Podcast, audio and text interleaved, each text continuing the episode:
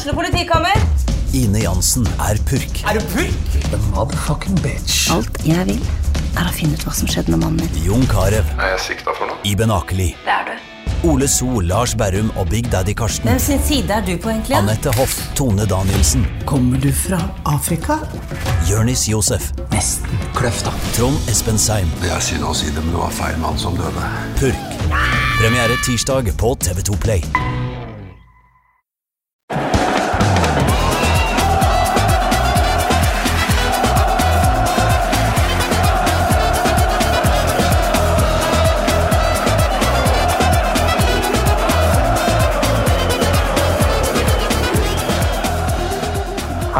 Og velkommen til en ny episode av Pyro og Pivo. Mitt navn er Morten Galaasen. Jeg sitter ikke i studio på Kontraskjæret i Oslo med det proffe utstyret og de isolerte veggene og en gjest eh, en meter unna meg.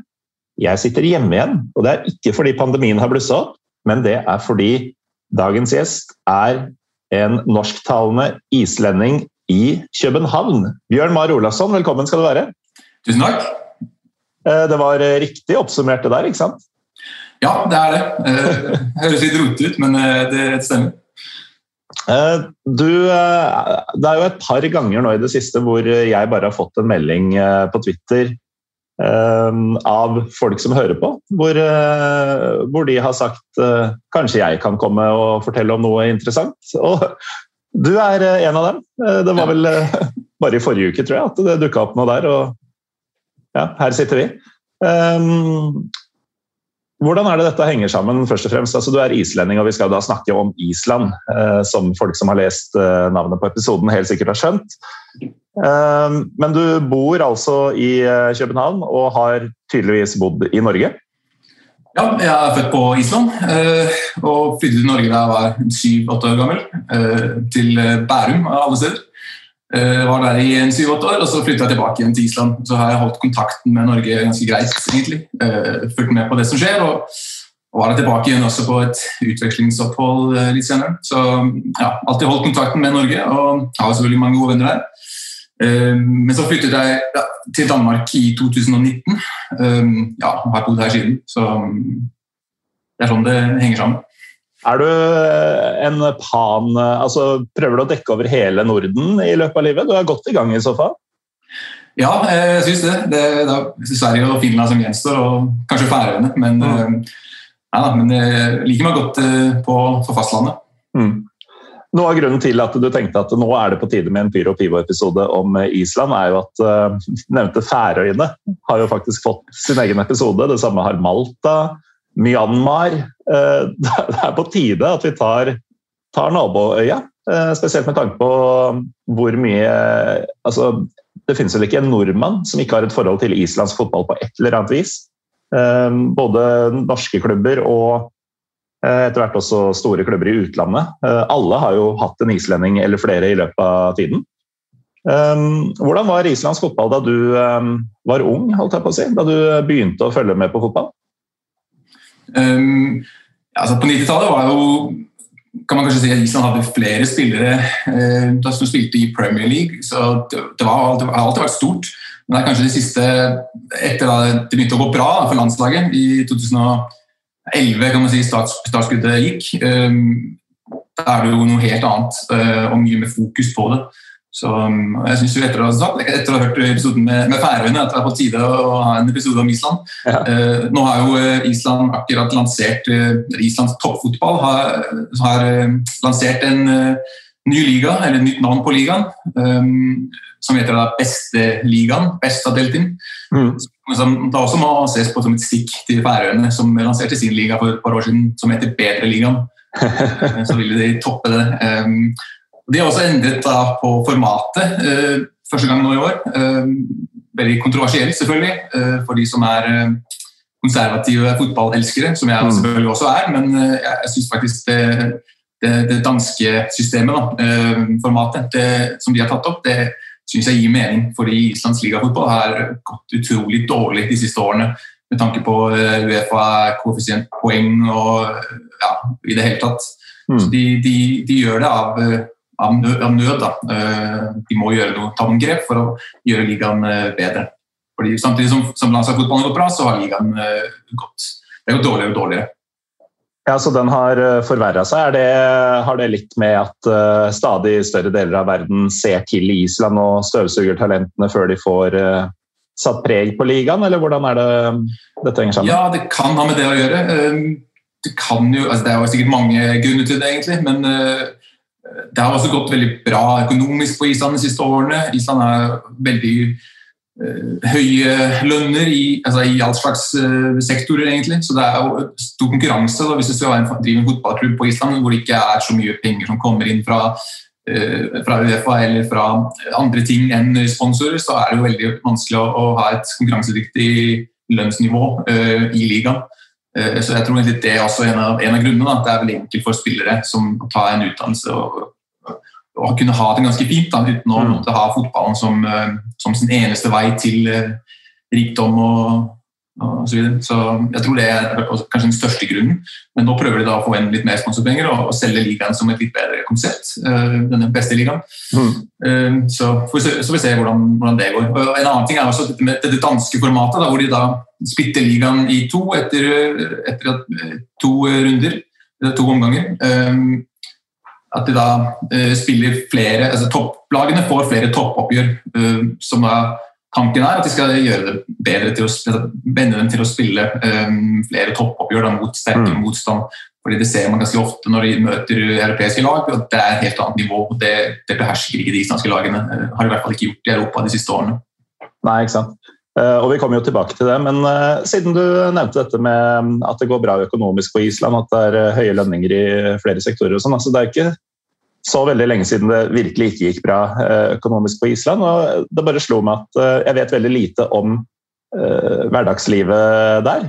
som en som har bodd og til dels vokst opp i, i begge land. Altså, hvordan er hovedforskjellene på, på det islandske og norske samfunnet?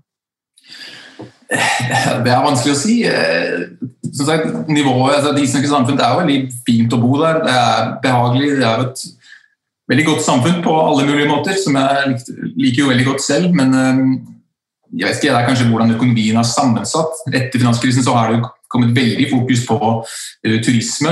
Um, det er jo kanskje turismen som på en måte var veien ut av, ut av finanskrisen i 2008, tenker jeg. Mm. Men så er det også fiske, fiskeri som er veldig lønnsomt på Island. De har et ja, litt annerledes sånn kvotesystem som er også kontroversielt politisk, men, men skaper enorme verdier. Så det er jo ja, det er verdier uh, i spill der på Island. og Mye som sagt, høye lønninger, og det går fint. Og, men det er også veldig mye turisme og, og fiskerinæringen som, uh, som gjør grovjobben for økonomien. Mm. kan man si. Og så er det jo altså Du sier det er behagelig. Det er vel er det litt sånn lavere tempo der, kanskje, med tanke på at det er såpass få mennesker og god boltreplass?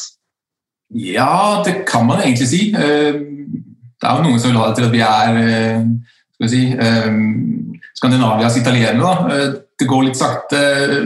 Du, ja, hvis du skal ha kontakt med, med det offentlige, så, så, er det stor sannsynlighet for at det er lukket den, den tiden du, skal, du velger å, å, å, snakke med dem. Så det er litt, litt lavere nivå. Altså litt, litt, saktere tempo, men ja, litt annerledes. Uh, de er også litt mer amerikanske si, De ligger midt mellom USA og Norge, så det er også noen helt klart amerikanske influenser på, på Island som, som, du ikke ser eh, mm. på samme nivå i Norge og Skandinavia i øvrig. All right.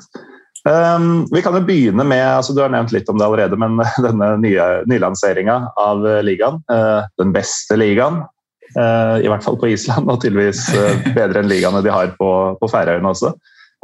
Men du, du, har referert til dette danske systemet, og bare for, for de som ikke henger med helt to omganger? altså At man møter hverandre hjemme og borte én gang, og så splittes ligaen?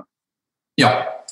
Eh, det er tolv lag, altså det er seks som spiller playoff altså oppover, altså, eller altså, spiller sluttspill, og så, så seks som, som, kjemper om å unngå nedrykk. Mm. Og det, altså, Du omtalte deg som fotballkonservativ. Det har vi hatt en egen episode om det begrepet i Pyro Pivo. Tror det var nesten tre timer lang uh, definisjon om hva det innebar. Men uh, men du, du, tar imot dette med relativt åpne armer, uh, akkurat i Islands tilfelle? Ja, jeg gjør egentlig det. En av tingene er, Grunnen er jo at sagt, det går dårlig for Island fotball. Må, vi må riste opp litt og gjøre noe, noe nytt. Eh, og så bor jeg jo som sagt i Danmark. Jeg bor jo i eh, København. så jeg, når jeg flyttet til Danmark, så var, eller København så var jo meningen å finne seg kanskje en litt mindre klubb, men så flyttet jeg ja, et langt Petter Schmeichel-utspark fra, fra, parken, så det ble jo FCK.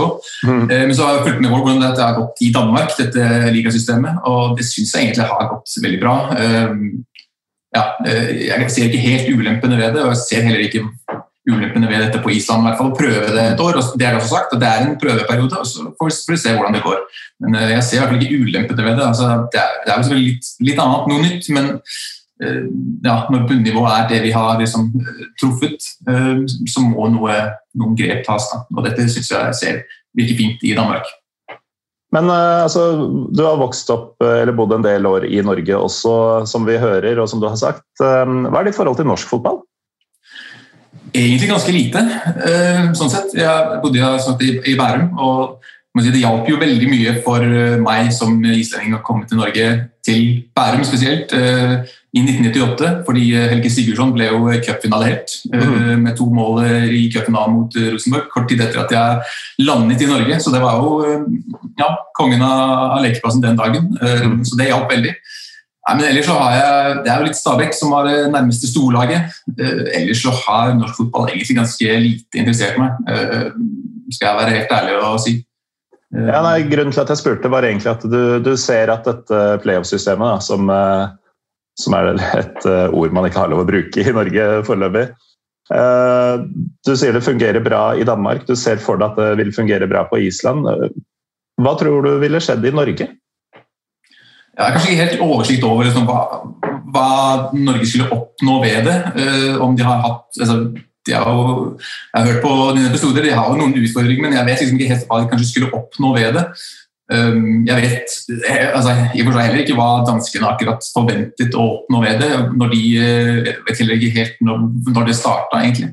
Ehm, men i hvert fall etter å ha sett hvordan det fungerer i Danmark, så ser jeg ikke helt ulempen. Det er mye, det er mye toppoppgjør. Og, og, ja, eh, det er jo noe å kjempe for. Det er jo sammensatt også på den måten, i hvert fall i Danmark. at Eh, noen fra, playoff, eh, fra en lavere del av ligaen kan da kjempe om en europaplass.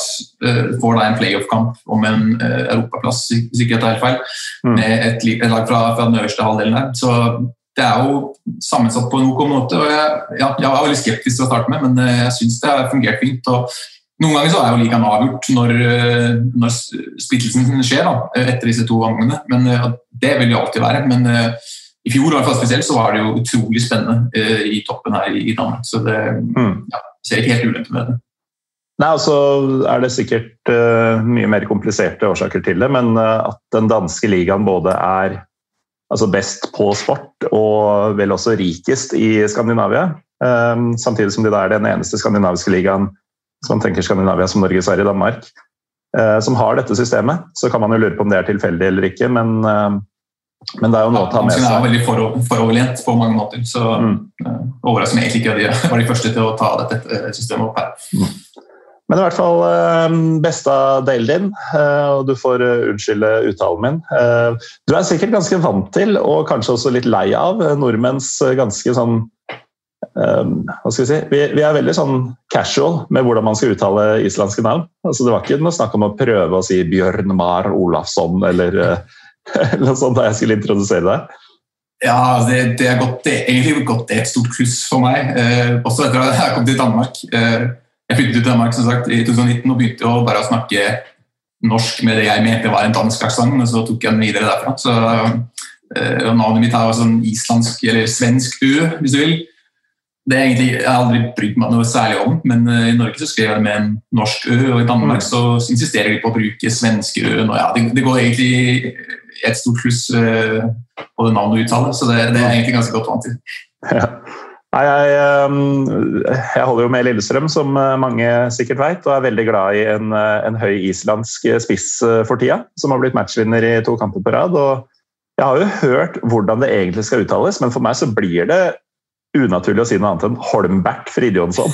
Med veldig veldig tjukk L i, i, det som vel ville vært Holmbert eller noe lignende. Holmbert Aron Fridjonsson. Ja. ja. Nei, det, det er Holmbert. Holmbert på Romerike. Ja. Um, uansett, det er jo sånn at um, Som egentlig var tilfellet på Færøyene, og som egentlig er tilfellet i mange ligaer, før uh, jeg får med folk som kan dette her uh, For meg så er det sånn at uh, tabellen på Island den ser liksom ut som en samling med bokstaver, som det er vanskelig å tillegge noe særlig kultur og identitet sånn uten at man graver ordentlig i det. og det vi skal ta for oss en del av klubbene eh, her i dag. Eh, hvilken vil du begynne med, Bjørn? Det gir kanskje mening å starte med, eh, med KR. Mm. KR Reykjavik, som de heter på alle livescore-apper, tror jeg. Mm. R-en står selvfølgelig for Reykjavik. Ja, og det der er så gjennomgående. Altså, det er Lask Lins, og det er Aset Alkmaar, og det er jo til og med noen som tror at Inter heter Inter Milan. Men uh, R-en er altså Reykjavik, eller Reykjavik. ja. så, så, slutt å si KR Reykjavik hvis man er vant til det. Ja, jeg kan komme til å gjøre det selv, eh, bare for at lytterne er helt med. Eh, jeg tenkte mye over hva jeg skal kalle det, men ja, KR. KR. Hva slags klubb er KR? Ja, men Jeg vil egentlig sammenligne KR litt med Juventus i Italia. Den gamle damen. De er den eldste klubben på Island.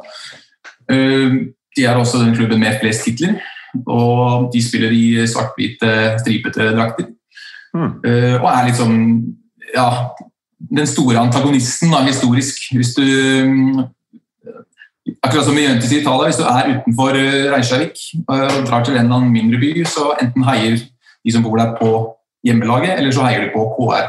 Mm. Um, så de har, ja, har flest titler. De kjemper i toppen hvert år. De, jo, de er jo fra sentrum, eller vestkanten av Reykjavik, som vi kan kalle det. Mm. Um, hvor det er litt sånn ja, litt bohemsk, egentlig. Litt sånn blanding. Eh, litt sånn old money-stemning. Eh, de har da ja, eh, Kjemper alltid i toppen, og de har som Eh, de har et juniorlag, men de bruker ikke så veldig mye av de unge spillerne sine. De, de, eh, de, skal kjempe i toppen eh, uansett hva det koster, og selv om det kanskje noen ganger går litt på bekostning av da, sitt, sitt juniorlag. Mm. Altså, um, du sier det er den eldste klubben på Island. Jeg googla det nå. og det, uh, altså, Et av mine favorittlag, Union Berlin, er stifta i 1966. Jeg tenkte kanskje det, det, er noe sånt også da, på Island, men det er faktisk uh, 123 år gamle, altså stifta i 1899. Det er jo sånn type English Football League-tidspunkt. Ja, det var også engelskmenn som kom med fotballen til Island og stiftet disse klubbene. Det var jo altså De første 20 årene tenker jeg, var det jo kun tre, kanskje fire klubber som deltok i noen slags form for mesterskap. Da. Så det skal også sies at de har vunnet noen titler under en tid hvor det var ganske få klubber. Men uh, ja, de er, de er veldig, en veldig gammel klubb. Uh, det er noen få klubber som har sittet kort tid deretter, men, uh, men KR er eldst, størst, kan man jo si, og, og har vunnet flest titler. Mm. Noe de, de, synger om på, på tribunene.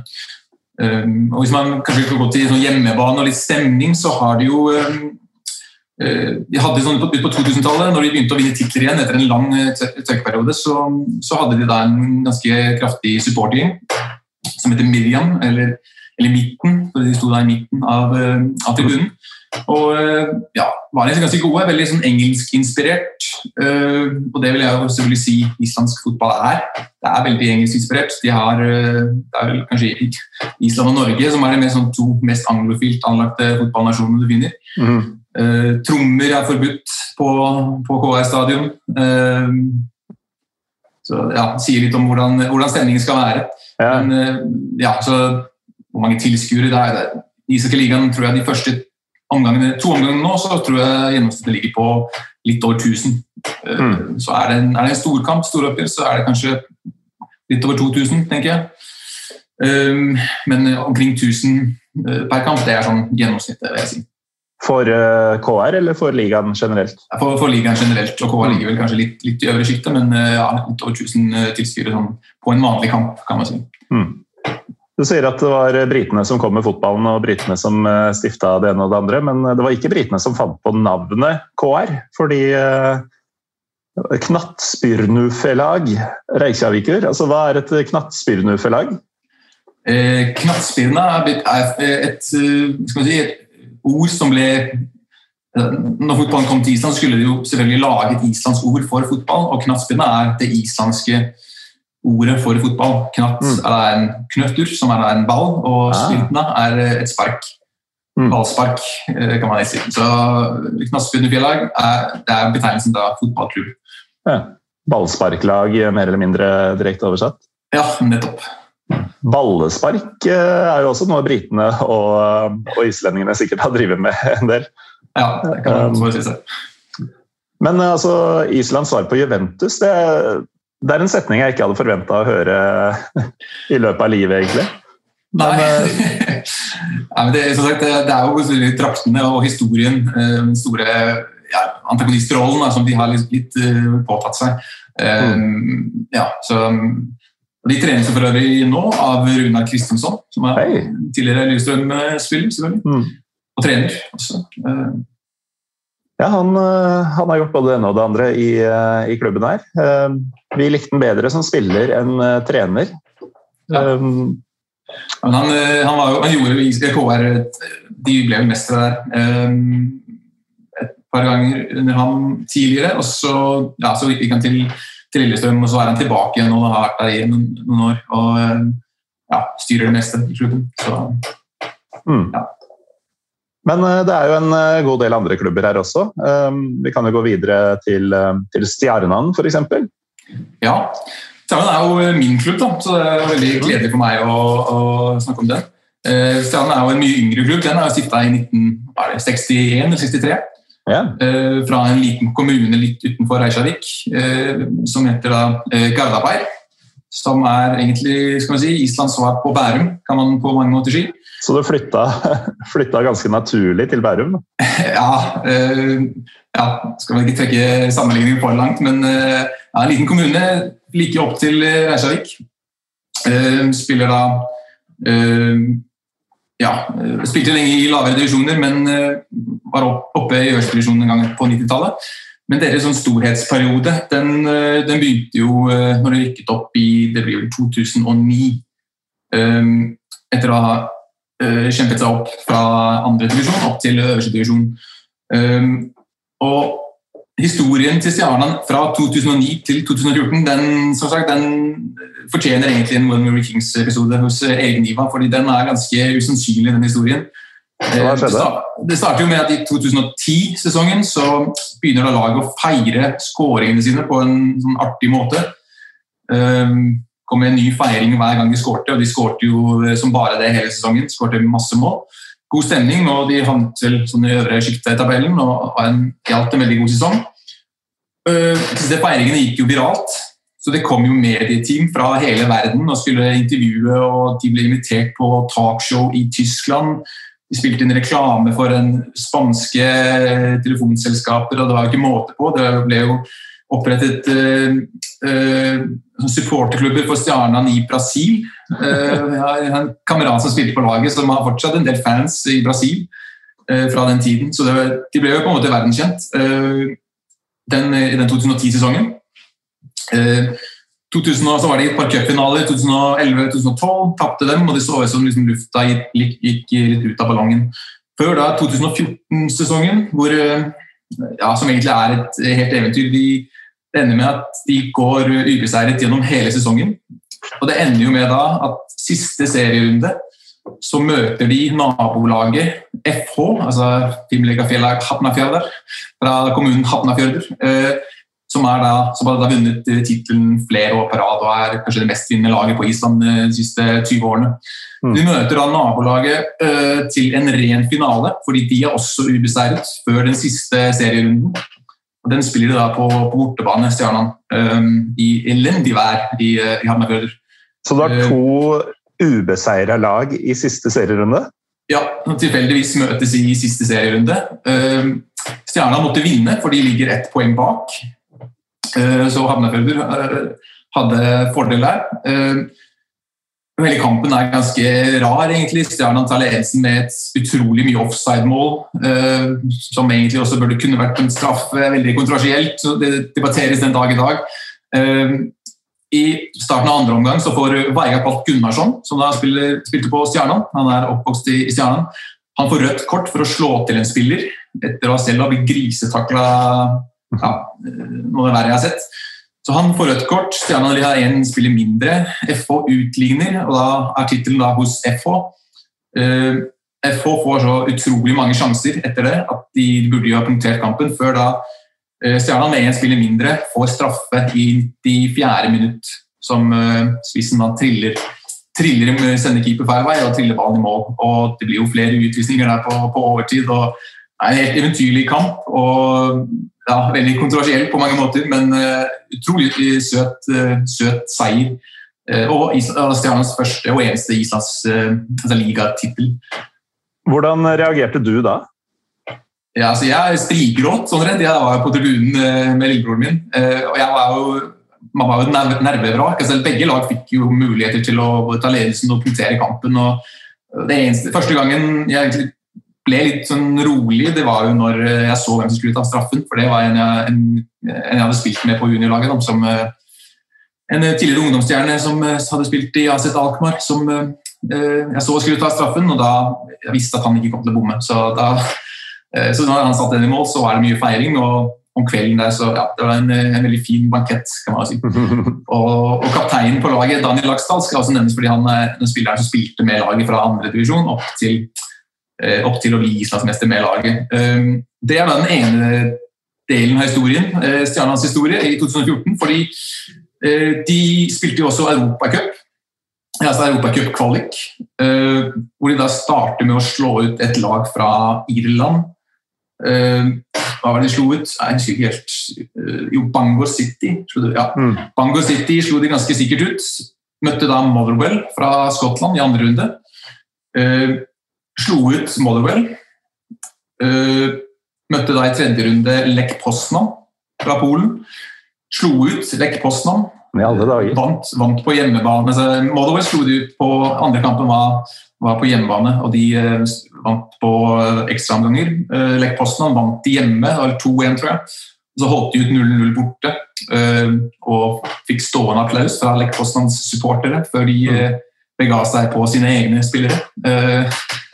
Og så ender det da med at de møter Inter i, i siste kvalikkamp før Europa League. Og der, der, der, var det slutt den gangen. Mm. Uh, og Hjemmekampen for Stjernan den ble da flyttet fra Stjernan Stadium til, til uh, som er landslagets hjemmebane. Så det var fullsatt på den banen. Den banen. Det var vel 12 000-13 000 tilskuere. Uh, det som også gjør det litt sånn fotballhistorisk, var jo at det var jo disse Motherwell-supporterne det var de som egentlig hadde den derre vikingklappe eller vulkanklappe, eller hva, hva, folk vil kalle det. Noe som vi ser på alle tribuner i dag. Mm. at vi kan bli jo alle, Hvert menneske man møter både i Danmark og Norge og hvor ellers man er, de ber, man om å ta vulkanklappe. Men det var da Mollywood-supporterne som hadde den, og så mappet de islandske Stjernan-supporterne det med seg. Og så, og så, kom det inn på landslaget. Og, så, og resten er historie, som vi sier. Ja, sånt er interessant, fordi um, det var vel Senest i forrige episode så snakka jeg og gjesten om at um, nå tror jo hele verden at den der Allé, allé, allé-sangen er Liverpool-supporternes verk, som da ikke stemmer. Og i hvert fall en hel verden tror at det vulkanropet, eller hva du skal kalle det, er islandsk. Men det var altså Stjernan-supportere som bøffa det fra Skottland. Ja, eller Bøffa er egentlig feil, fordi det var faktisk en eh, De ba om lov uh, å ta det. og Det, det var jo ja, det var, skal vi si, vennskap der imellom. Eh, det var jo mange Molde-supportere som kom til Island, og, og det var jo uh, liksom fantreff uh, før kampen med, med, med fan fra, fans fra begge lag. Så det var god stemning. og det var, det var ikke, De, de stjal det ikke, de, de fikk, fikk lov. Så, så, så de jo senere med supporterne hvor, hvor, stort det ble. Da. Men eh, det er i hvert fall en artig historie. Men eh, altså, det er jo naturlig at eh, bortesupportere fra spesielt europeiske lag da, som kommer til Island for en tidlig um, kvalifiseringsrunde, at de ikke kommer for å slåss og krige og sånn. Jeg regner med at det stort sett er veldig god stemning når, når de islandske lagene møter utenlandske lag i sommermånedene der. Men hvordan er forholdet, altså temperaturen i ligakampene? Er det noe trøbbel på tribunene i noe særlig grad? Eller er det Nei, jeg kan egentlig ikke si det. Altså, Stjernesupporterne er ja, Fra de rykket opp 2010, 2009-10, så har de vært sånn gjennomgående til beste supportergjengen. De kaller seg da Sølvskjeen. Igjen til denne connection til eh, kommunen de kommer fra. Eh, de har vært en veldig god supportergjeng og har vært liksom standard, satt standarden i ligaen. Eh, men det er, altså, det er, jo ingen slåsskamper egentlig jeg kan huske mm. å ha sett. Ingen knivstukket eller, eller noe i den grad. Så det er god stemning. Ja, litt krangling en gang imellom. Og når det gjelder de, de utenlandske supporterne som kommer, så er det vel eneste gangen det har vært noe trøbbel. så Det var vel faktisk Brøndby-supporterne som mm gjorde en ganske dårlig figur kan jeg huske, etter en kamp mot eh, Hvaler eh, på Island. Mm. Eh, det er vel det eneste tror jeg jeg har sett. Ja. Siden du nevner Valur, så kan vi kanskje gå videre til dem. Enda en Reykjavik-klubb? Ja, Valur er kan man egentlig si i Reykjavik en av de andre store, store klubbene. Da, etter altså de og KR. Og KR Valur er altså et oppgjør hvis du vil se toppoppgjør eller et et av de større oppgjørene på Island, så, så kan da KR Valur eller Valur KR anbefales. Um, Hvaler spiller da i sine røde trakter. Um, og uh, de har akkurat de siste si, ti årene så har de hatt uh, veldig mye penger. Uh, etter at tidligere kanskje har slitt økonomisk, så har de veldig mye penger for tiden. Det har noe med å gjøre at de har eide et stykke land, og så bygde noen boliger, og så fikk de inntekter. Da. Så de har liksom ekstra sånn sideinntekter da, som har hjulpet dem veldig. Og de har satset ganske mye både på fotball, men også, de har også veldig bra lag i håndball og, basketball. Så det er en klubb med sagt, mye penger. Uh, god stemning når de, når de, vinner kamper eller vinner titler, men ellers så er det kanskje ikke så veldig mye supporter å, å skryte av, egentlig. Ingen, mm. sånn, ingen egentlig sånn stor supportergjeng, men uh, et veldig bra lag. og altså Nå har de jo bare for å nevne noen spillere. altså De har jo Anders Marason, uh, tidligere Lillestrøm-spiller, bl.a. Uh, Aron Johansson, som uh, er da en tidligere spilt på USAs landslag. Han er halvt islandsk. Halvt, mm. ja, så han tidligere landslagsspiller fra USA. De har Holmar Eyolfsson, fra Ros hentet fra Rosenborg. I fjor spilte Hannes Halvorsson der, som er da landslagskeeperen, den, som er landslagskeeperen gjennom, gjennom gullalderen reddet straffen fra Messi i VM 2018. Mm. Og Patrick Pedersen, som spilte i Viking og, og borte i Transnistria der et sted. Så vi har eh, penger til å hente spillere. Eh, og har da alltid et, de siste årene hatt et veldig konkurransedyktig lag. og har, De vant vel ikke i fjor, men de vant vel tittelen de to årene før det igjen. Så mm. uh, ja, veldig bra lag. Birker Moss Ivarsson kan også nevnes, tidligere, brannspiller. Så ja, veldig sterkt lag og alltid, alltid storsatsende. Ja, Det høres jo veldig solid ut. Altså, jeg tror ikke det er mange klubber på Island hvor du kan ramse opp eh, mer enn si, én til to spillere jeg har hørt om, men uh, her var det jo kjente navn på, på rekke og rad. Um, men altså, eh, er de, ves er de, vesentlig rikere enn resten, eller? Fordi det høres jo ut som det er en del lønningsposer uh, blant de gutta uh, som du nevnte? Ja, eller jeg vil si de kanskje har litt lettere for å hente inntekter. Da. De, de andre må kanskje slite litt mer, hente inn mer sponsorpenger her og der. Mens eh, kanskje har litt sterkere fundament. Da. Eh, mm. Ja, det, er, det her med fotballklubbers økonomi er veldig vanskelig, og det er mye ja, vanskelig å lese årsregnskaper og sånn, men, men totalt er, har, har Hvaler en utrolig gunstig økonomisk situasjon i øyeblikket og, mm. og, satser veldig mye på fotball. og Jeg vet ikke om, det er noe, om målet er å, å nå uh, Europacup. fordi det har vært snakk om det på Island i veldig lang tid. at så lenge, Hvis en klubb eh, kommer til Europa, så er det så er løpet kjørt for alle andre. fordi Så har du så enormt mye høyere inntekter enn de andre klubbene. Mm. Men det er jo ingen klubb som har maktet å gjøre. Men uh, en kan jo forestille seg det scenarioet i hvert fall, at Hvaler uh, prøver å nå uh, gruppespillet i Europa. Hvilken europeisk turnering, turnering det skulle være. Mm. Hvem, hvem, har vært nærmest? da? Blir det Stjernan som kom til siste playoff-runden der? Ja, eh, altså Stjernan og FH har vel vært nærmest, tror jeg. FH har også vært eh, der ute i, i siste øh, kvalifiseringsrunde. har vært, hvis jeg husker rett, eh, vært ganske nærme. Men det er de to klubbene. Og, men FH sånn, de hadde jo sin, som sagt, de har hatt sin storhetsperiode. De har vunnet flest titler tror jeg, fra 2000 ca. Men de allikevel altså, De var jo nærme et par ganger i Europa, men allikevel underpresterte de ganske grovt i Europa. I forhold til hva de egentlig kanskje skulle ha gjort. Da. Og De fleste mm. klubbene har underprestert ganske greit. Det er vel stjernene med det Europa, det runnet de hadde der. og så var det en annen gang også de, hvor de endte med å møte Spanjol et par år senere. Um, ja, men eh, De siste årene så har vi vært ganske langt unna. og Vi må jo tilbake til pre-Champions League før vi har noen i et islandske lag er med å kjempe mot noen europeiske kjemper. Uh, for da møtte jo Hvaler f.eks. Altså Barcelona eller hva det var. Så, mm. Men det var jo i den tid hvor, hvor, det ikke var denne kvalifiseringsrunden. Så. Nei, man gikk bare rett i gang. Ja um, før gruppespill og hele pakka. Så verden forandrer seg, Bjørn. Det, gjør det. det, Nå er jo denne Conference League kommet. Altså det, mm. som gir kanskje en enda, en mulighet, da, enda større mulighet for at islandske lag kan kvalifisere seg. Uh, men så gjenstår det jo også å se hvor gunstig det er økonomisk. Uh, det er litt ja, sett litt på summene. Det, det er ikke noen voldsomme summer. Det er jo ikke sånn at en klubb i hvert fall på Island vil bli overlegen hvis de kommer dit, men det hjelper i hvert fall noe på vei. Da. Så, mm. Man håper jo på at det vil skje, og at ligaen vil stabilisere seg på et, på et enda høyere nivå. Det, det, har vi behov for. Ja, og Sjansen for å kvale inn i den turneringa er ganske tydelig en del større enn den har vært i Champions League og Europaligaen. Altså, ser man på gruppespillet i fjor, så hadde jo Flora Tallinn var med, og altså, lag fra Gibraltar og Armenia. og Dette er jo ligaer som Eh, som man fint kan sammenligne seg med, og kanskje tenke at eh, man også da bør være bedre enn. Eh, ja, det skal man være forsiktig med fra Island, men, men man tenker jo at det burde vært det burde jo være snakk om svakere liga enn islandske, men, ja, men det er der, der er islandsk ligafotball er i øyeblikket, dessverre. Men apropos å prøve å kvalifisere seg til Europa, så pleier vi hver sommer Eh, etter at eh, de norske lagene har blitt trukket i første og andre kvalikrunde til Europa, så pleier vi å ha en episode eh, hvor vi ser på motstanderne da, til disse. Og et lag som går igjen, syns jeg, det er IBV. Som jo Det er jo en interessant klubb på et interessant sted, så vidt jeg har skjønt.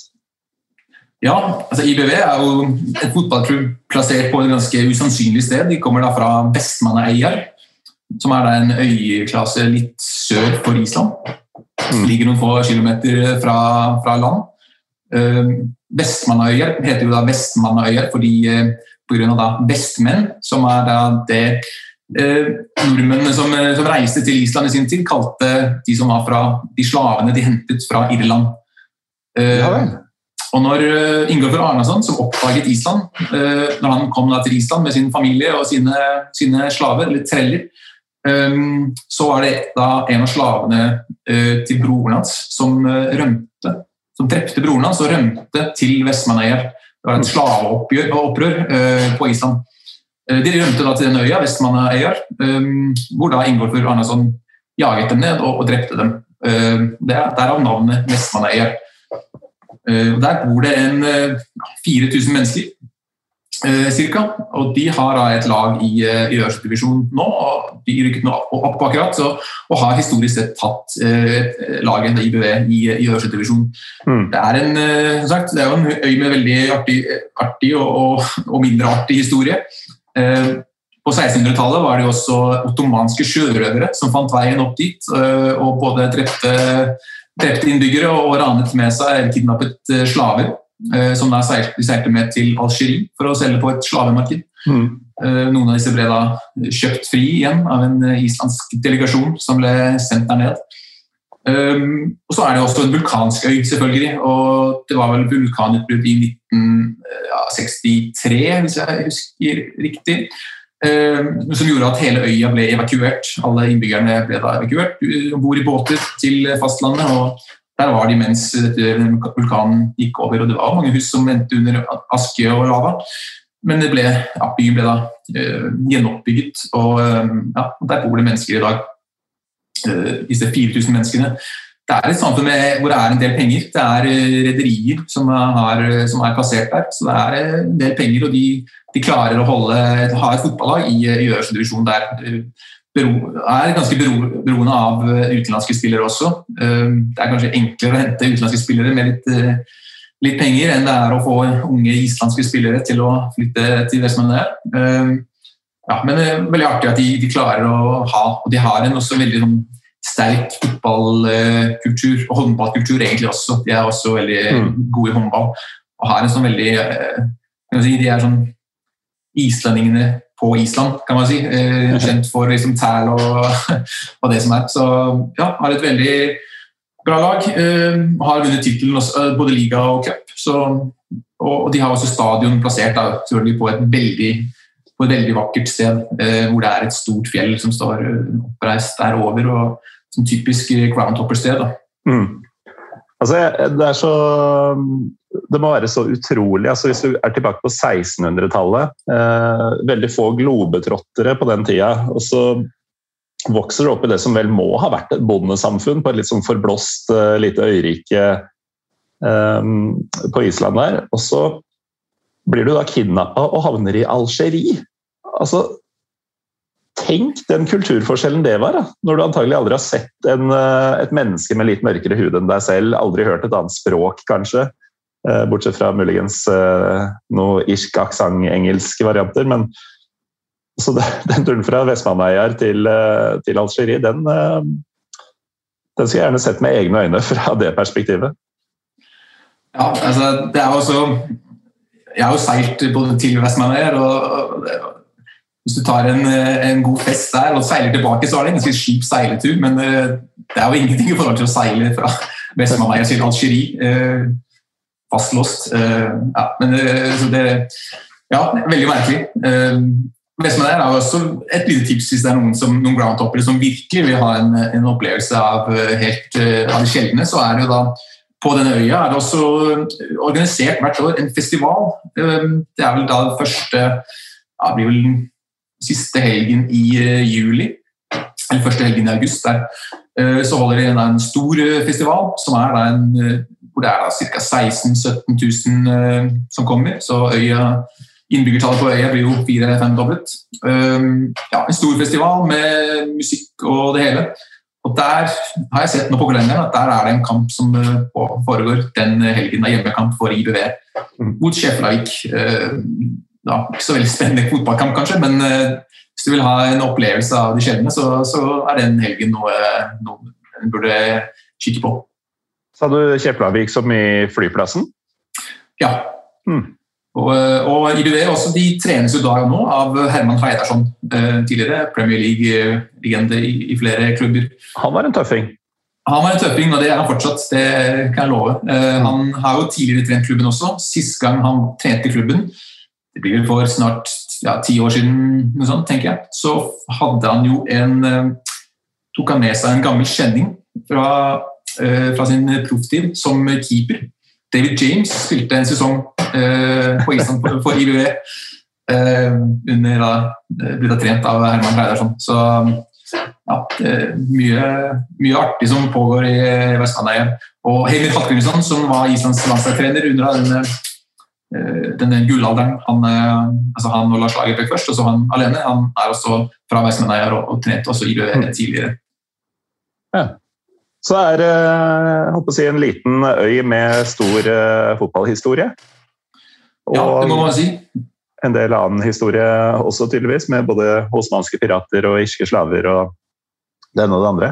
Um, det er mange kule navn uh, i, islandske, i, det islandske ligasystemet. Og Breidablikk de har jeg alltid lurt litt på. Hva, hva har vi her? Ja, altså Breidablikk er jo liksom Stjarna, en liten klubb som har kommet opp uh, litt senere. Uh, det ligger det en kommune også litt utenfor Reykjavik. nabo da til Stjarnan. spiller i sine grønne drakter, kommer opp, rygget opp sånn permanent en gang på 2000-tallet. Så har de valgt seg opp ja, siden 2006, tenker jeg. noe sånt. Eh, og De spiller veldig mye på eh, unge spillere. Eh, fokuserer veldig mye på det, og det har de gjort da i ja, 15-20 år. Både har de bra ungdomsakademi, og så er de også dyktige til å hente spillere fra andre juniorlag. så det er sånn litt både noe de gjør selv, og så er de dyktige til å hente spillere i den riktige alderen. Så de er kanskje litt upopulære også blant noen andre klubber for at de, de henter spillere på, på, i en ung alder. Men uh, veldig mye, veldig bra lag. Uh, spiller veldig god fotball. De har, uh, det er de tradisjon for de siste 15-20 årene. Spiller på unge spillere, god fotball. Og de vant da også en tittel i 2009 med sin gylne generasjon, må, jeg si. hadde jo eller om det var i 2010, hadde veldig mange gode spillere og ble da ledet av Alfred Finnbogason, som jo senere ble toppskårer i en del forskjellige ligaer. Så ja, veldig Johan Berg Gudmundsson spilte jo også der. Elvar Helgason, som tidligere Stabæk-spiller. Uh, Gudmund Kristiansson spilte i Start. Så ja, veldig mange Mariel Baldvinsson, tidligere Molde-spiller. Så mm. ja, veldig klubb med, med, veldig mange unge spillere, og spiller en offensiv fotball. Uh, akkurat nå har de også, på de siste par sesongene, har de hatt en trener som heter uh, Oskar. som har Oskar Torvaldsson, som ja, har gjort egentlig sånn kometkarriere på Island og er en av de mest spennende islandske trenerne. Han eh, rykket opp med en bitte liten klubb uten fotballtradisjoner. Rykket opp to divisjoner fra, fra, eh, fra andre divisjon opp til øverste divisjon. og Så tok han jobben i Breidablikk. Spiller veld, veldig veldig offensiv fotball, på grensen til det naive. Mm. Um, men eh, ja, har havnet på andreplass nå et par ganger med laget. Men ja, jeg er en av de, de mest spennende uh, trenerne. Eh, har også litt den der tradisjonen eh, at de har Deres tidligere spillere er veldig profilerte i media. Så det er veldig mye snakk om Breidablikk. Hvis du kommer til Island og leser en avis, så vil du tro at Breidablikk er den største og eldste klubben på Island. Noen mm. selvfølgelig ikke er, men de får veldig mye plass i media, og det, det er veldig mye, mye, snakk om dem. så Det er noen klubb folk enten elsker eller hater. Så de har vel også vært ute i noen europakvaliker og møtt noen, eh, noen norsk motstand, men eh, ja, gått så der. Ikke sant. Altså, eh, navnet Breidablikk eh, kommer jo fra, fra norrønt. Eh, boligen til, eh, til, guden Balder, har jeg skjønt. Og jeg har ikke tenkt over det før nå, egentlig, men det, det er vel ikke helt uvanlig med, med norrøne Altså nikk til det norrøne og, og vikingkultur og sånn. Altså, du har jo også vikingur. Uh, legger ikke skjul på noe. Um, hvor, hvor, tett knytta er Island til vikinghistorien og vikingkulturen i dag? Altså, I dag er det jo veldig upopulært og uh, sånn i, si, i uh i det hele tatt. Så det å snakke så veldig mye om det, eller hvor mye vikinger vi var osv. Altså, det er bare sånn eh, Ja, i det hele tatt. Men disse klubbene har, ble jo, det er jo klubber som ble de fleste da stiftet ganske tidlig.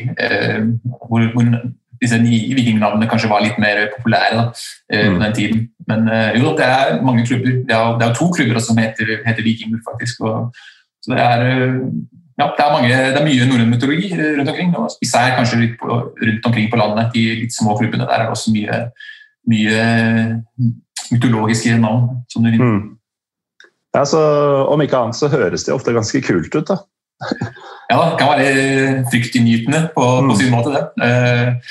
Og Bredavik har også, hvis jeg kan nevne det, de har også OK supportere. Eh, har de siste par årene det har gått veldig bra, og de har kjempet i toppen. så de har hatt, eh, Det er god stemning på deres kamper.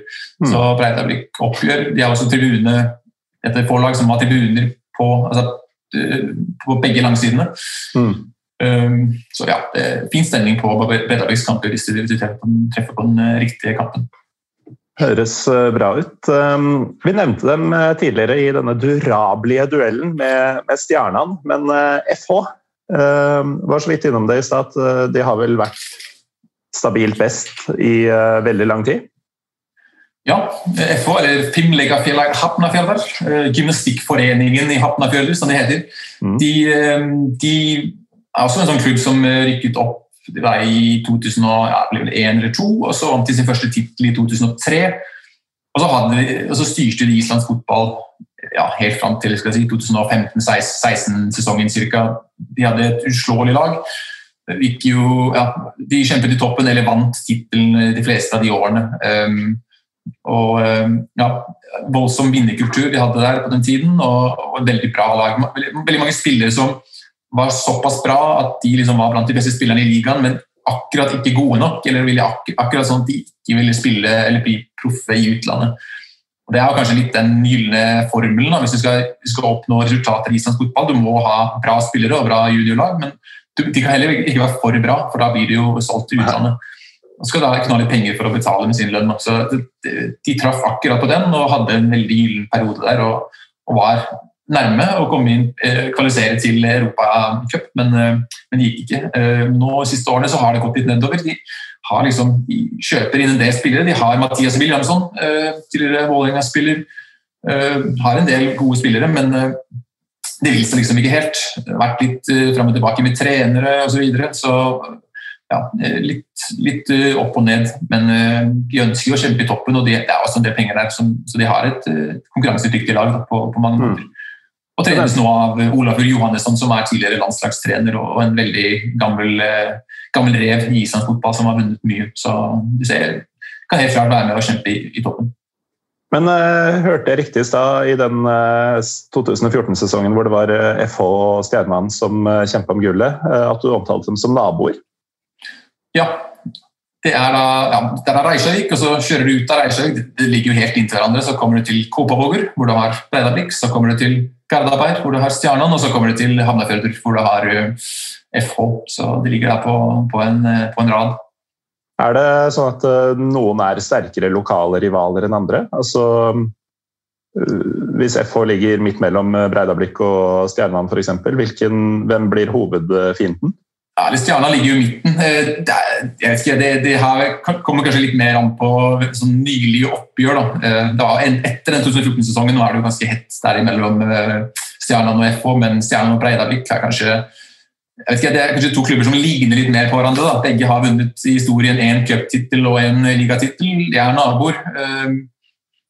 Ja, ligner mer på hverandre. Da. Begge har veldig bra juniorlag. og, og alle både når jeg var juniorspiller og, og, nå de siste årene, så er det veldig ofte Stjernan og, og Breidablikk som kjemper i toppen i, eh, i juniorligaen. Så det er kanskje mest rivaleri der. da. Eh, for det er, som sagt, det er to klubber som, som, egentlig ikke vinner så veldig mye, eh, men som spiller seg litt store. Så der er det mye rivaleri. Men Hvordan fungerer rivaleriet på Island? Altså, Slenger man mye dritt til hverandre, og sånn, eller er det mer oppbyggende?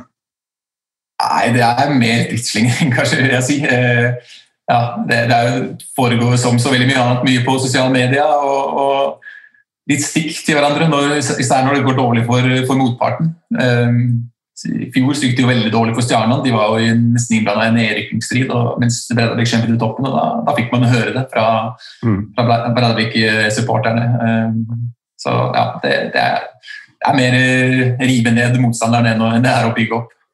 Hva er en uh, typisk uh, frase for å rive ned motstanderen på Island? Altså, hva, er det man sier til hverandre? Er det der uh, rasshølet og de greiene som vi er vant til, eller er det noe mer juicy?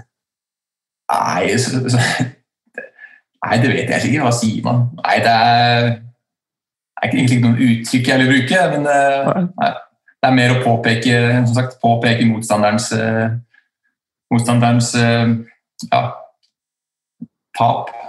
Og, og feil og mangler. Og, ja. mm.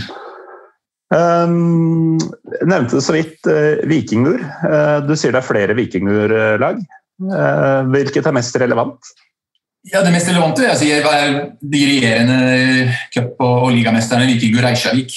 Um, Vikingur Reykjavik er jo da spiller i sine svart-røde stripede drakter. er fra Eh, er fra Reykjavik, som navnet tilsier. Spiller spiller på en stadion som også kan anbefales. Eh, det er kanskje det best plasserte stadionet på i hele Island, hvor det er bra vær. De fleste stadionene er jo ved sjøen eller tett på, tett på havet, i hvert fall.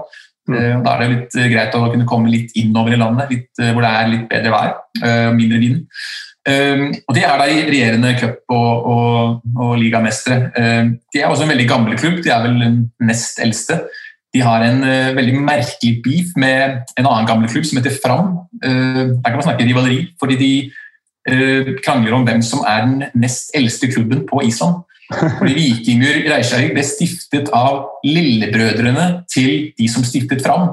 Fordi Lillebrødrene fikk ikke være med å spille med, altså med store, de store gutta. Så lillebrødrene stiftet sin egen klubb, som var Vikingur. Ehm, da, men Vikingur er registrert som en eldre klubb. Da lurer jo da de eldre gutta, altså Fram-supporterne lurer på hvordan du kan den klubben som ble stiftet av de som ikke fikk være med i den andre klubben, hvordan den da kan være eldre. Så det er en eh, sånn ja, over 100 år gammel beef som pågår der. Det er en morsom tittel å skulle krangle til seg. Nei, vi er nest eldst. Nei, det er det vi som er.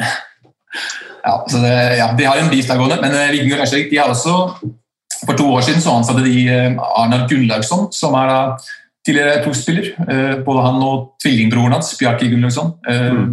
To fantastiske fotballspillere. Arnar spilte jo i Premier League, bl.a. Eh, med Leicester. Han, ja, han har gjort utrolig mye for den klubben. Han kom inn, og de begynte å spille fantastisk fotball. Han kom inn med en sånn ny fotballfilosofi. Veldig, til å starte med veldig naiv, veldig, veldig fri flyt. Uh, hentet en del uh, unge spillere som hadde blitt uh, som hadde tidlig reist til utlandet for å prøve å bli proffe, som kanskje ikke klarte det helt, eller ville tilbake, og som ga dem en ny start. Så han stilte med et veldig ungt lag med, med veldig talentfulle spillere. Eh, det har han nå bygget opp over et par, par år. og så Før da fjorårssesongen så fikk han inn i midtforsvaret Kari Arnason, som har da vært eh, landslagsmidtstopperen i den gylne perioden, og Sølvi Ottesen, som også har en del landskamper, eh, selv om han ikke kanskje var helt en del av EM- og VM-laget. Og Disse to eh, gamle gutta som sto der bakerst, de, mange trodde at de ikke kanskje skulle, skulle tilegne seg den nye spillestilen, men det gjorde de helt klart. Så de, de vant da, vant da ligatittelen i fjor foran Breidablikk i ja, det var de siste kampene omtrent. Det ble, det ble avgjort. Så både førsteplassen og andreplassen i ligaen i fjor det er lag som spiller veldig moderne fotball. Eh, mm. Hva nå enn folk syns om det. Men, eh, men eh, ja, veldig spennende å se. i hvert fall. Det er, det er, noe nytt som skjer, og det er to trenere der som har en veldig klar filosofi. og Det ser også ut som det er flere klubber som, som prøver å gå litt mer i den retningen. F.eks. Stjernan som har veldig mange unge spillere. Mm. Um, ja. Og Vikinger har også en del, en del ligatitler. Um, det var den første på 30 år, de vant i fjor, men, uh, men de har historisk som sagt, Det er en gammel klubb og har en, har en del historie også å vise til. Mm. Vi har nevnt eh, både KR og Valor og Vikingur eh, nå. altså Det er i hvert fall tre klubber da, fra, fra Reykjavik i, øverste, i den beste ligaen. Um, er det flere? Altså, hvor dominerende er byen Reykjavik på, på fotballfronten?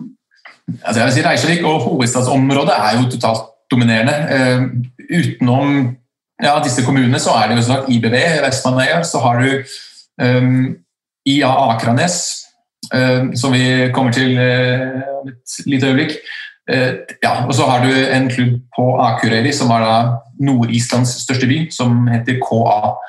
Um, det er da de tre klubbene da, vel, som er fra utenom Reykjavik. Og Østlandet for eksempel, har nesten omtrent aldri hatt en klubb øverste. Det er kanskje i hvert fall veldig lenge siden. Ehm, så det er kanskje litt sånn til skipet. da. Eh, Østlandet mangler, mangler en, eh, en, representant i, i den øverste divisjonen. Hva er grunnen til det, tror du? Ja, nei, det vet jeg egentlig ikke. Det er litt historisk, kanskje. De har jo det er jo veldig lang reisetid. Altså, det er jo kanskje ikke alle som helt vet hvor stort Island er altså, uh, geografisk. Det er, det er, veldig langt å kjøre. Uh, det å skulle, altså, hvis du skal ja, bo på Østlandet og kjøre til kamp i, i Reykjavik uh, hver uke eller annenhver uke, det, det, er langt.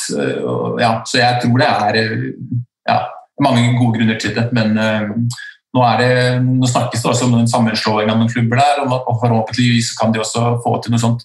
Det er jo veldig liten tradisjon på Island for sammenslåing av klubber. Ehm, det har vært noen forsøk på dem i Reykjavik. En klubb som heter Fram, for eksempel, som har nå rykket opp. Ehm, en historisk stor klubb som ble nesten skvist ut av Reykjavik. Plutselig hadde de liksom egentlig ikke noe opptaksområde for sine eh, juniorspillere. Eh, det har vært snakk om sammenslåing, men det er nesten ingen sammenslåinger skjedd i islandsk fotball som jeg kan huske. I hvert fall ikke noen store.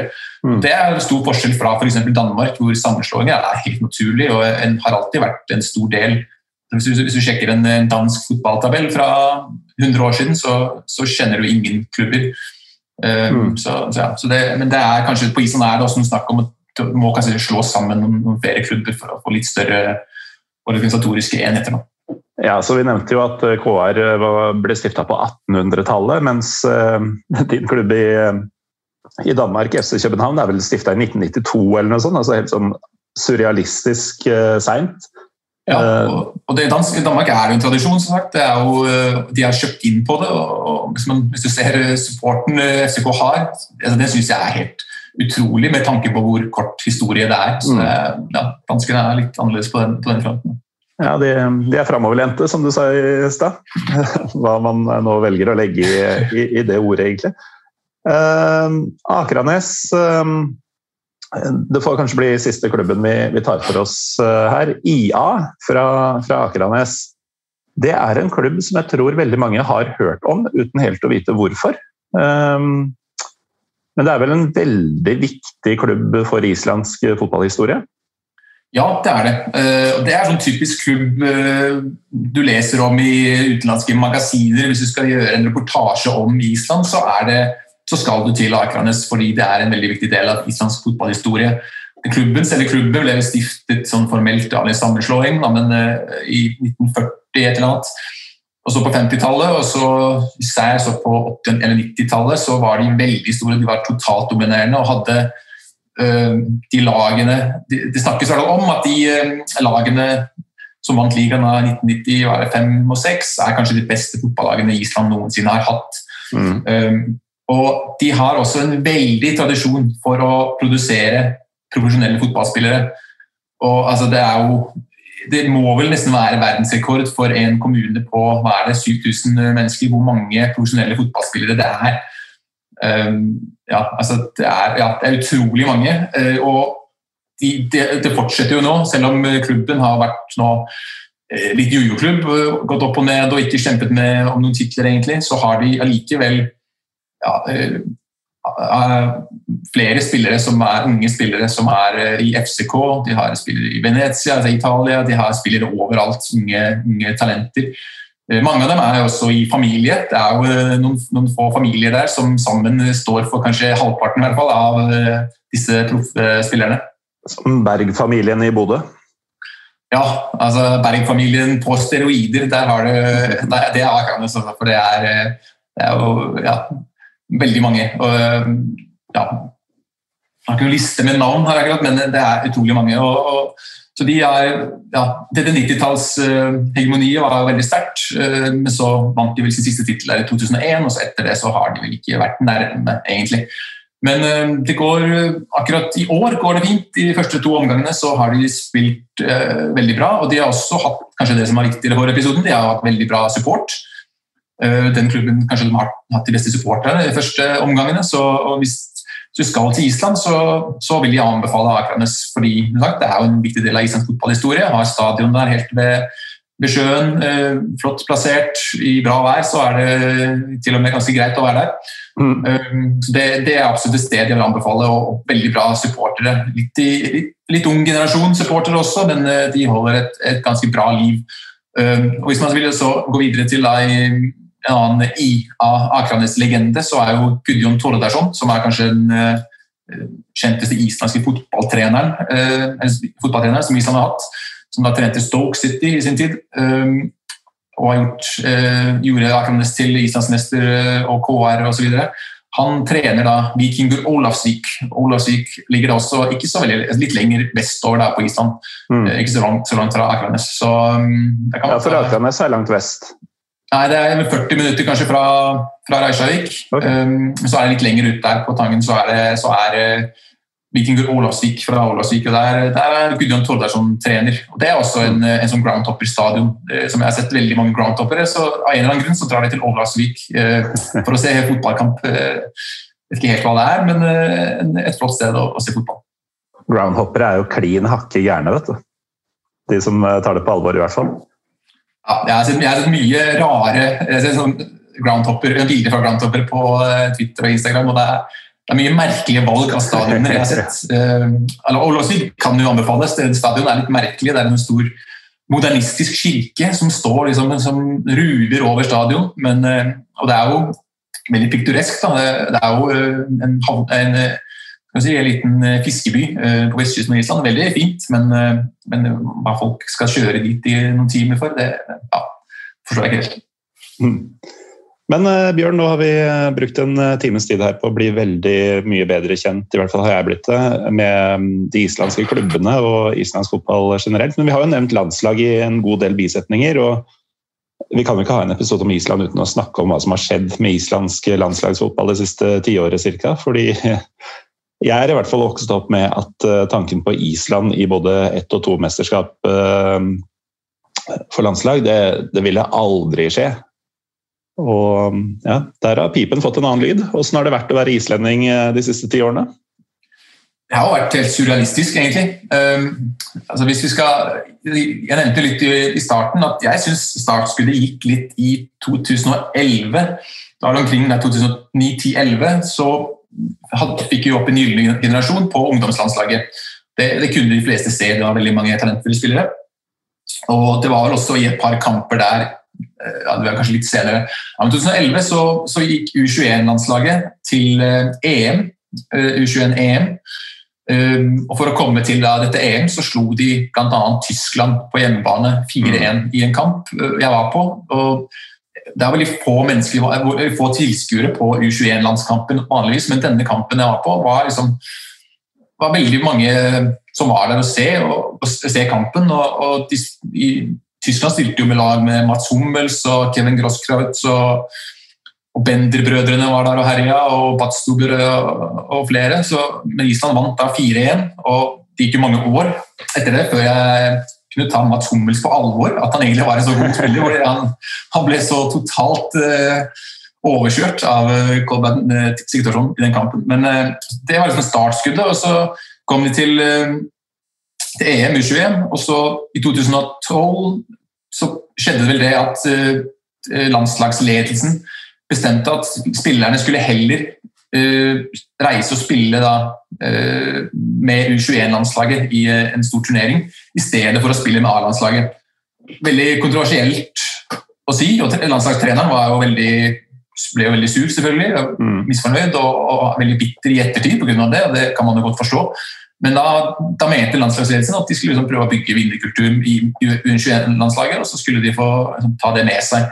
Og Det er denne generasjonen da, som, som senere gikk opp på landslaget. og Så kom de til kvalikkamp øh, mot Kroatia før VM 2014, hvor de da ja, vant vel hjemme 2-1 og tapte på øh, Maximir stadion. 2-0 eh, på bortebane. Så de kom ikke til VM 2014 men, eh, under Lars Lagerbäck, men det var helt klart at det var et fundament som var blitt lagt. Og, mm. og, og Lars Lagerbäck endret kulturen. Da. Og så kom de jo senere til, ganske lett til, VM, til EM 2016, og, og resten er jo historie. Ja, virkelig. Nei, altså det, det, viser jo at det er eh, altså Selv i eh, Store deler av Pyro Pivo handler jo om eh, hvor jævlig den moderne fotballen er, og hvor umulig det begynner å bli for de mindre aktørene, og de store, stygge ulvene tar alt og sånn. Og da er det, det er så nydelig med sånne historier, da. At uh, ingenting faktisk er umulig.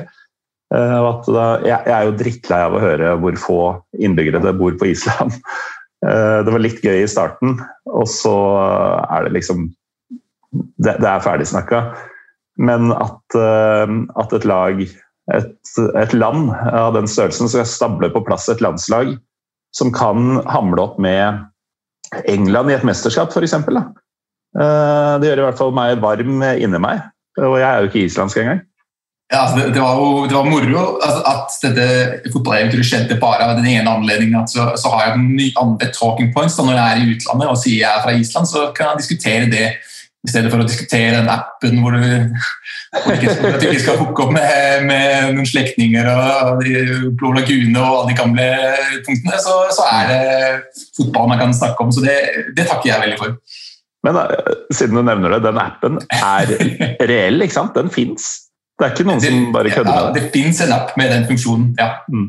Hvor du da sjekker om du er Jeg vet ikke, jeg har aldri sett den i bruk. Nei. Kombinert med, med, Tinder på Island for å dobbeltsjekke at uh, kveldens fangst ikke er en uh, fetter eller kusine. Ja, men så har det også, skal også si med, med landslaget det har jo sånn, er litt morsom, men litt merkelig kanskje debatt i ettertid, så har det jo vært snakket litt om landslaget egentlig da tidligere har underprestert. i forhold til, fordi mm. Du ser på spillertroppen til det islandske landslaget før um, 2014. eller altså på 90-tallet og 2000-tallet så, så, er det jo utrolig mange bra spillere. Og Med en Eidur Gudjonsen f.eks. kunne man ikke ha bygget opp et lag omkring hans kvaliteter. Og så hadde, mm. hadde jo midtstoppere og veldig mange forsvarsspillere som spilte i Premier League. Altså, det burde vært mulig å stable på beina et bedre lag enn, eh, enn det som ble gjort. Så Det er en debatt litt i ettertid, da. Eh, men det, det blir jo mm. alltid bare en, en, ja, kanskje ikke så veldig intellektuell debatt, da. Men, eh, men, men morsomt, å, og, morsomt tankeeksperiment. da. Ja, og så er det jo greit å ha i bakhuet at selv om islandsk fotball først har fått resultatene de siste ti åra pluss-minus, så, så, har det jo Det er jo det er mange tiår med tradisjoner for å fostre opp eh, gode spillere. Um, som da har spilt, som vi nevnte innledningsvis, både i Norge, England, Tyskland, andre større ligaer. Så um, Island er jo, med klubber fra 1800-tallet og flere tiår med Premier League-spillere osv., uh, en fotballnasjon å regne med. Selv om uh, landslaget ikke alltid har, uh, har fått det helt til. Så blir det jo spennende å se hva som skjer med nivået på klubbfotballen, med de endringene som er gjort. Du du er fortsatt um, relativt optimistisk på, på, dette med nytt ligasystem, Bjørn? Ja da. Eh, altså, det, er ikke, det, er ikke, noen fokus-fokus-løsning, men eh, jeg kan i hvert fall ikke si at det skal gå så mye, mye verre. Da. Så, mm. så får vi se om det gir noen resultater. Men eh, ja, eh, fint eh, eksperiment, i hvert fall. Vi, eh, vi, må runde av om et lite øyeblikk, men nå kom jeg på at det er, det er veldig lenge siden en Pyro Pivo-episode har hvor det har blitt stilt spørsmål om sånn, hva man skal spise og drikke i et land. Um, når det gjelder Island, så veit jeg om dette, denne spriten som bare heter brennevin, uh, vel? Um, hva, hva, er det for noe? Brennevin, eller svarteduden. Uh, altså, det er jo en, som en uh, akevitt, egentlig. Eh, bare veldig sterk. Og det, jeg kan vel egentlig Nå håper jeg ikke det. Men sterk. Jeg, skal, jeg, skal, faktisk ikke røpe, jeg håper ikke jeg røper noe på vegne av den islandske nasjonen her nå. Eh, men eh, denne svartedøden jeg, jeg var i lystig lag her forleden, hvor vi gjorde et, en blindtest på svartedøden og en dansk akevitt som heter Rød Åleborg. Veldig kjent akevitt her i Danmark. Det var faktisk ingen som kunne merke forskjell. Så nå håper jeg egentlig ikke jeg kanskje ødelagt uh, markedsføringen av svartedøden. Men det er i hvert fall den svartedøden er den brennevinen du får, den alle har liggende i, i fryseren. Og, og, og, den drikkes til da hai, uh, som er en typisk mat vi spiser en gang i året der i, i slutten av januar. Så, så, er det veldig mye hai og, og fermentert fermenterte greier og ja, gravd, gravde greier. og ja.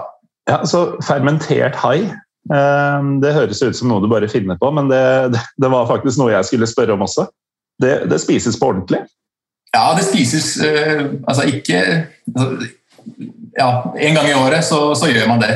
Mm. Det er vel noe som ble spist en gang i tiden uh, fordi det er en måte å oppbevare ting lenge lengre tid uten kjøleskap, men ja, det smaker jo overhodet ikke godt. og ja, Det spises en gang i året. Det er jo gjerne de som er litt eldre som, eh, som, spiser det. Kanskje har litt tradisjon for å spise det. Og så er det også mm. de som har kanskje litt eh, sløve smaksløker som, eh, som, som, kan spise det. Men uh, hvis du skyller det med akevitt eller med, med svartedøden, så, så går det fint. Ja, så kombinasjonen uh, harsk hai og en sprit som heter svartedøden altså, Jeg, jeg syns ikke vi selger inn Island som en kulinarisk destinasjon, kanskje. Men uh, Nei, men det, det er det heller ikke. kan jeg egentlig si. Jeg får veldig jeg får det spørsmålet veldig mye ofte stilt eh, på jobben. Hva er det man spiser? Og, ja, altså det er jo veldig mye fisk. Gode fiskeretter mm. for all del. og mye, Det er mye spennende kusin eh, som eh, mange steder på Island. Det, spesielt med fisk. Men mye annet enn det, det, det er det ikke. Altså. Så mm. ja, hold dere til fisk, og så ja, hai hvis dere er der når den tilbys. Så her eh, hører dere, folkens. Hvis dere drar til Island, så vær glad i fisk og sprit. Så kommer dette til å gå helt uh, fint. Jeg tror for øvrig du overvurderer uh, lyttertallene til Pyro Pivo ganske kraftig. Så jeg tror at det du har sagt skal gå utover salgstallene til svartedøden. Ja, men Kanskje du overvurderer salgstallene til svartedøden eh, totalt? ja, kanskje. Uh, uansett, uh, Bjørn Mar Olafsson, takk for at du var med hele veien fra København og kasta litt glans og lys over islandsk fotball. På høy tid, som du selv sa i din melding til meg. Absolutt. Takk, takk meg. Takk også til deg som hører på. mitt navn er Morten Galaasen. Vi er Pyro Pivopod på Twitter og Instagram, og vi er forhåpentligvis tilbake om en ukes tid. Ha det bra.